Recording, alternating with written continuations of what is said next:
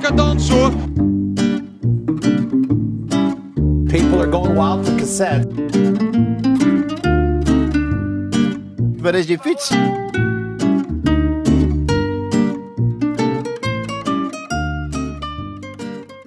De ideale cultrenner wint nooit en wordt in één klap wereldberoemd. John Lee Augustin voldoet aan beide voorwaarden. De Zuid-Afrikaan is op het moment van deze opname nog maar 31 jaar oud. Toch zit zijn carrière als professioneel wielrenner er al jaren op. Het verhaal van Augustin wordt gemaakt in de Tour van 2008. Et là, une autre saveur. Victoire sur le Tour de France. Le Tour de France Jean Kirchig, Kenny Van Hummel, René Poutier, Benjamin Lebrun, Borke Moulema. Une cassette avec pouvoir.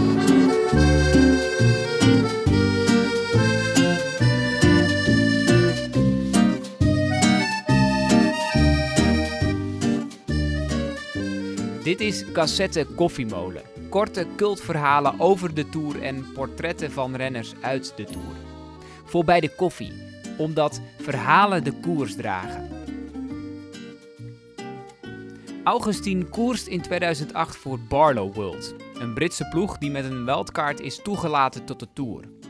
Barlow World is een klein ploegje met grote namen van nu. Chris Froome maakt bijvoorbeeld dat jaar zijn debuut in de Tour de France. En ook rasklimmer Mauricio Soler rijdt voor Barlow World. En wat te denken van Geraint Thomas, Steve Cummings en Enrico Gasparotto.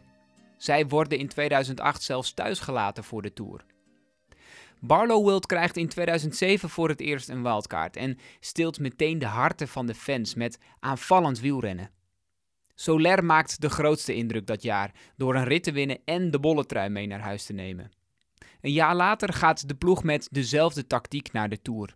In de 16e rit naar Jaugier is John Lee Augustin aan de beurt om in de aanval te gaan.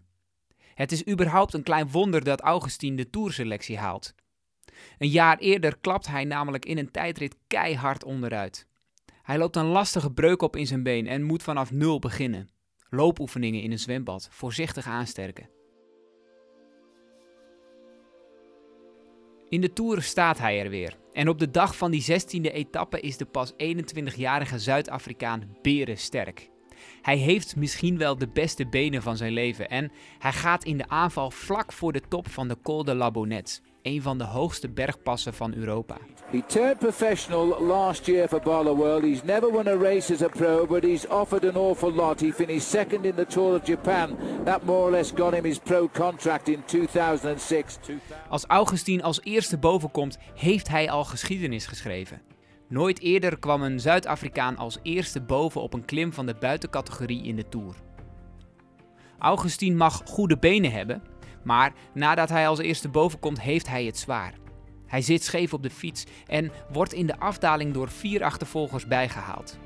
Afdalen is niet zijn sterkste kant, maar de piepjonge Augustin vecht voor zijn plek tussen ervaren renners als Sandy Kazar en Jaroslav Popovic. Dan, in een bocht van 90 graden gaat het mis. Augustin heeft veel te veel snelheid en schiet met een salto recht door het kale ravijn in. Well, that's, uh, that's, this, is, this, is, this is John Lee Augustin, I think, who's gone off the edge of the road. And he, uh, let's just have a look at this one more time. He's coming round that corner. He came into the corner much too fast, straight over the top of the climb, and he's onto the shale area, He's sliding down. They've stopped at the side of the road to see how he is. He seems to be okay, but he doesn't have a bike with him anymore. Well, that is very sad. Buikschuivend komt hij uiteindelijk tot stilstand. De fiets duikt met 80 km per uur nog veel verder de afgrond in. In die bocht staan een paar toeschouwers en met hulp van hen klautert Augustin weer naar boven. Er staat een hulpeloze, bestofte Zuid-Afrikaan verdwaasd om zich heen te kijken. Een wielrenner zonder fiets als een ridder zonder paard. Augustin lijkt amper te beseffen wat hem is overkomen. Hij was misschien wel de beste die dag. En of hij had kunnen winnen als hij niet was gevallen? Waarschijnlijk niet. Cyril Dessel wint de sprint van de kopgroep die dag. Ik kan niet zo goed dalen, erkent Augustin na de finish als de pers op hem is gedoken. De tour voor Barlow World was tot de tuimeling van Augustin totaal onsuccesvol. Met zijn aanvalslust maakt Augustin de tour in één klap goed. Ploegmanager Valerio Tebaldi wil in de toekomst zelfs zijn ploeg in dienst stellen van klassementsrenner Augustin. Alsof die hele Froome niet bestaat en nooit heeft meegereden. Die belofte zou Tebaldi nooit waar kunnen maken.